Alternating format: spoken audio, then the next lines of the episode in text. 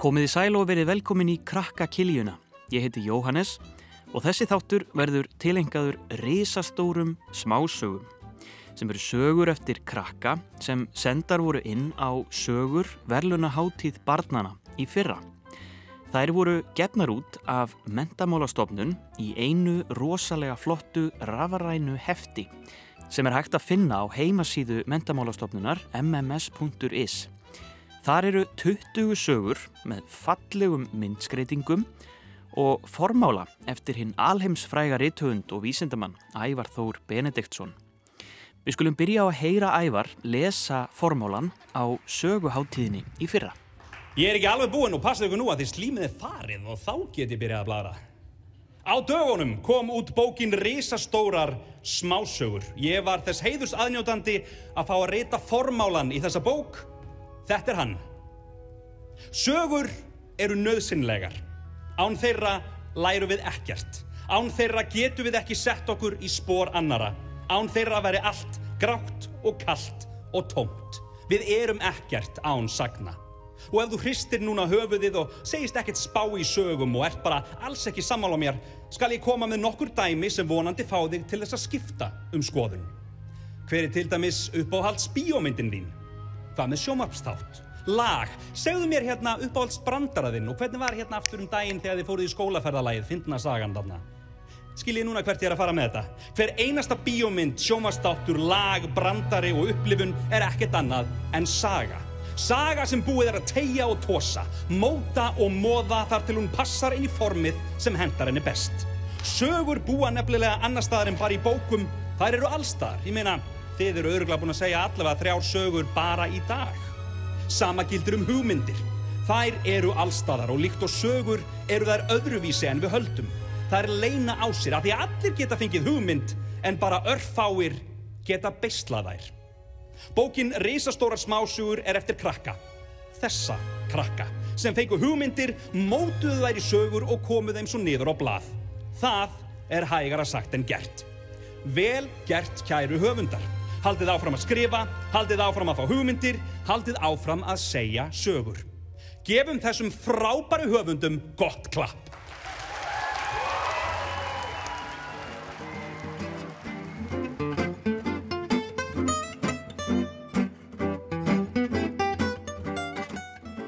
Er ekki eftir neinu að býða, við skulum hlusta á tvær sögur úr þessu frábæra hefti. Það eru vinningssögurnar í fyrra í tveimur flokkum og við skulum heyra fyrst smásögu ásins í flokki 10 til 12 ára. Gjör þið svo vel!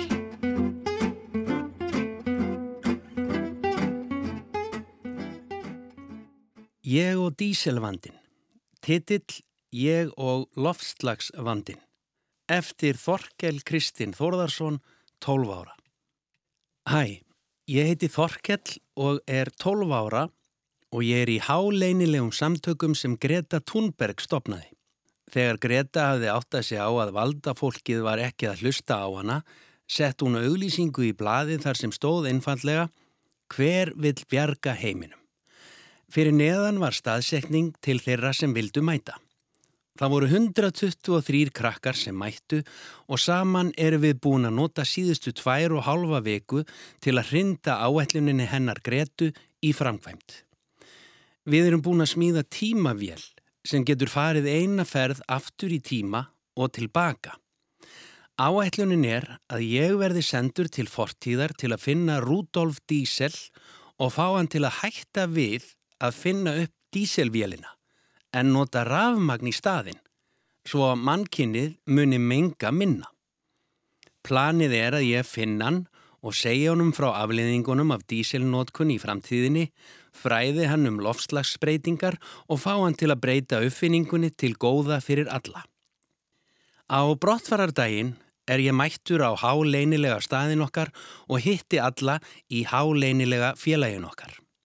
Ég klæði mér í född sem passa við tíman sem ég er að fara til. Þetta eru háir sokkar, hnebuksur, skirta og jakki. Ég fæ líka póka með sönnunargögnum til að sína Rudolf Diesel.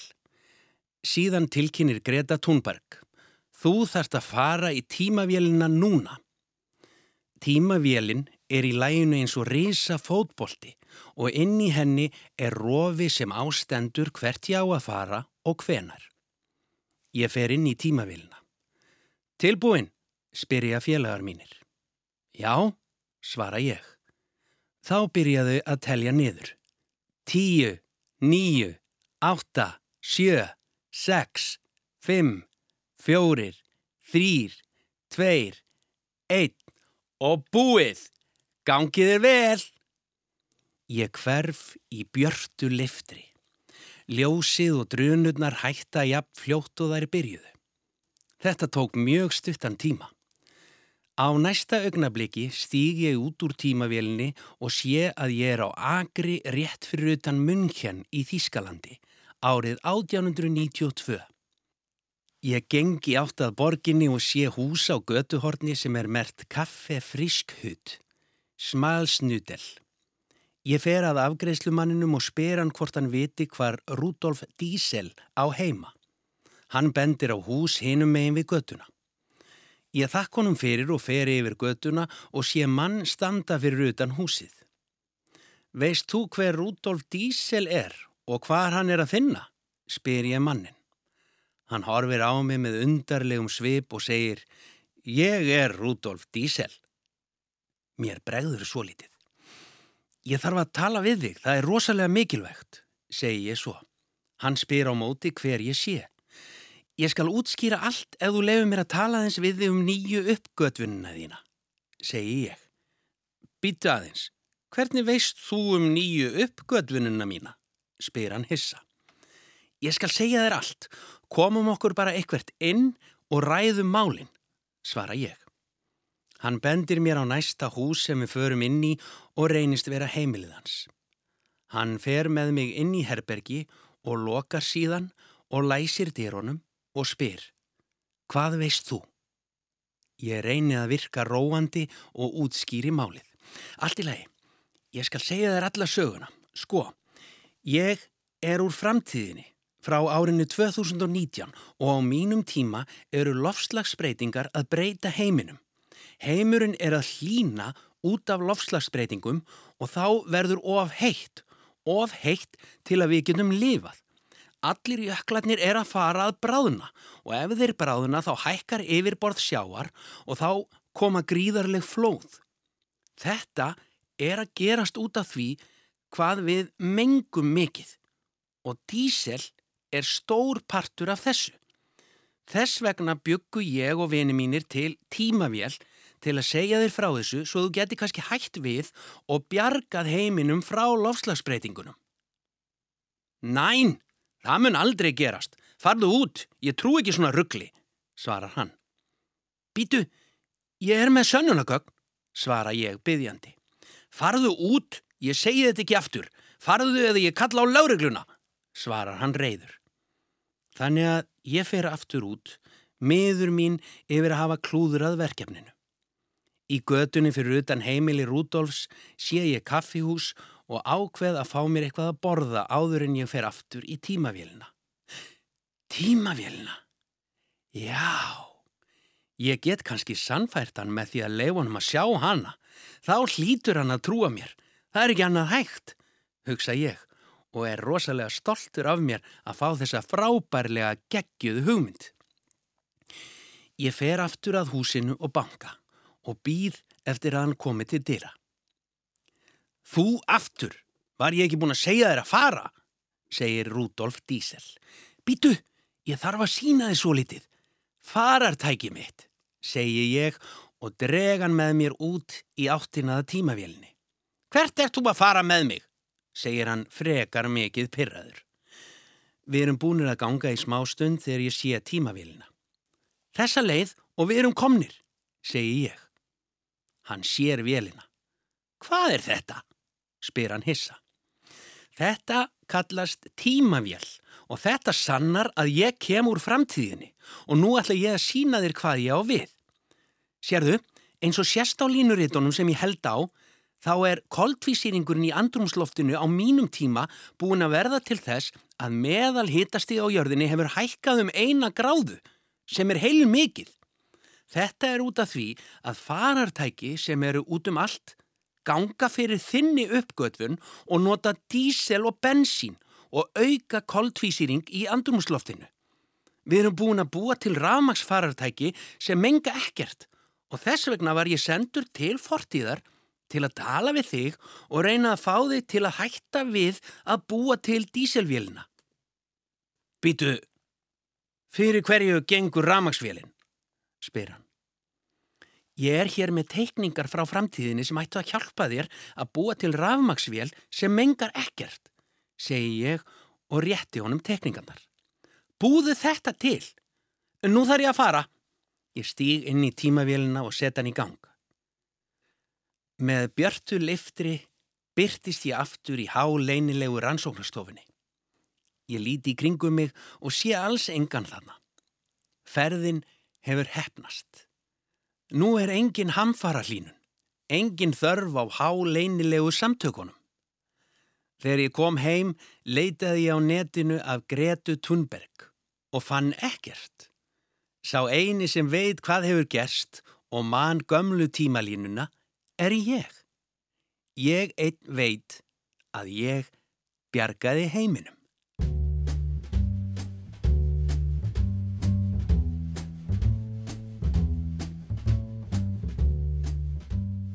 Já, þetta var sagan Ég og Díselvélinn, titill Ég og lofslagsvandin eftir Þorkjell Kristinn Þórðarsson, 12 ára. En næst ætlum við að heyra vinningssöguna á sögum verðlunaháttíð barnana í flokki 6 til 9 ára. Gjöru svo vel. Drekaspor eftir Högna Frey Harðarsson, 9 ára. Einu sinni var töframaður sem hétt Teddy. Hann átti gæludýr sem var refur og hétt Reppi. Þeir byggu í ævintýralandi í töfraheimi þar sem allt gatt gerst. Dag einn rakst hann á vondu nornina en þau höfðu oft barist við áður. Hún breytt honum í kaninu og eina leiðin til að aflétta álögunum fyrir hann var að eigna streka sem vinn á innan við viku. Næsta dag lögðu Teddy og Reppi af stað í leiðangur til að finna drega. Fyrst rákust er á Úlf sem virtist alltaf að láta það í friði en þá fór Teddy að stríða Úlfinum. Rosalega ertu með feitan háls og akkur ertu grára á litin. Hvað varst að koma úr jarða fyrr? sagði Teddy.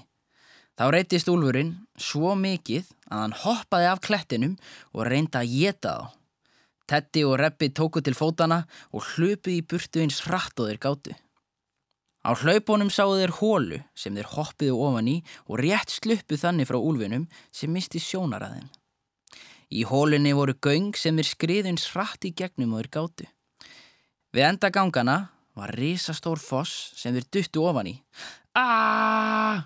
Splass. Þeir liðið fallið af og syndu í land. Þegar Teddy var að þurka sér, fann reppi fyrir einhverju skrítnu og skottinu. Þeir litu báðir við og sáu jetandi blóm. Blómið náði töfrasbrotanum af tetta áður en hann gætt notaðan. Þá beit reppi í blómið sem í kjölfarið misti tetta og töfrasbrotan. Tetti var fljótur að grípa töfrasbrotan og breyta jetandi blóminu í vennulegt blóm. Hann breyti reynda líka reppa í hænu, en það var alveg óvart. Næsta dag fundu þeir helli og þar gáttu þeir aðeins kvíl sig. Þeir heldu líka að þeir gætu fundið drega þar. En þeir fundu bara risastór tröll. Þegar Tetti og Reppi heldu þeir kæmist ekki lifand út úr hellinum, byrti stígvilaði kötturinn og kom þeim til bjargar. Þegar þeir komi út úr hellinum, sá Tetti dregaspor. Sporin letuð á að vatni og á vatninu flöyt bátur. Við skulum fara á bátnum til Töfraland, sagði Tetti. Töfraland var næsta land við ævintýraland staður sem bjóði yfir miklum töfrum. Tetti hafði komið þangað áður, en það var hann töframæður. En á leiðinni þangað mætti þið risa stóru sæskrimsli. Sæskrimsli reðst á bátinn og átreppa og stígvilaða köttin.